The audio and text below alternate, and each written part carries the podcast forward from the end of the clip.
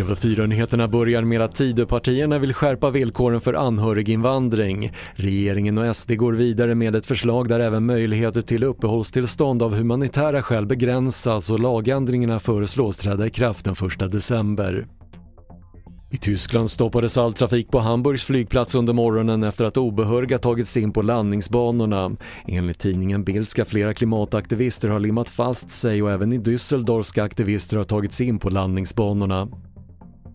Värmeböljan över södra Europa ser ut att förvärras och nå nya rekordtemperaturer. I Italien där det väntas bli runt 45 grader har röda varningar som innebär hälsorisker utfärdats i tio städer och värmeböljan väntas hålla i sig ett par veckor till.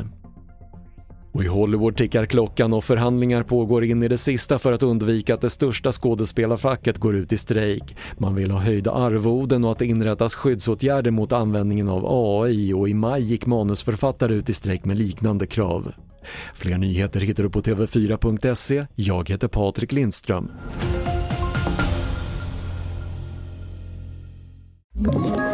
Ett poddtips från Podplay. I fallen jag aldrig glömmer djupdyker Hasse Aro i arbetet bakom några av Sveriges mest uppseendeväckande brottsutredningar.